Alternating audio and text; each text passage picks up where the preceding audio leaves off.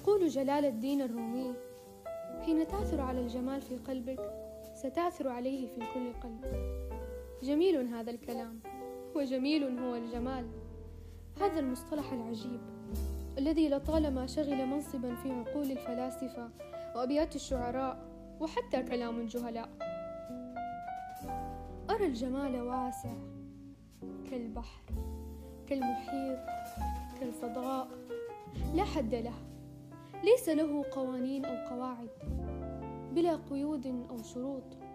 وأنا يا عزيزي المستمع لا أتحدث عن الجمال الذي نراه بالعين. لا لا لا. أتحدث عن الجمال الذي نراه ونشعر به في القلب. لأن الجمال المحسوس في القلب أجمل من الجمال المرئي بالعين. يعني فكروا معي. جمال الوجه والجسد من الممكن أن يختفي في أي لحظة. فهذا الأنف الذي كالسيف ممكن أن يكسر ويفقد جماله.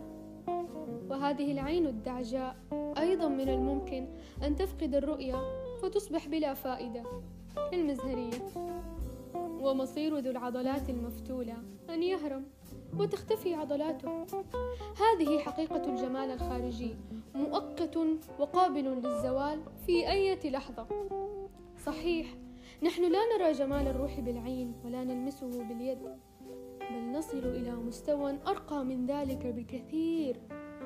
نحن نغمض أعيننا ونغلق أبصارنا ونفتح البصيرة ومن خلالها نتذوق الجمال لا باللسان ولكن بالمشاعر اللذيذة التي هي أحلى من الحلوى.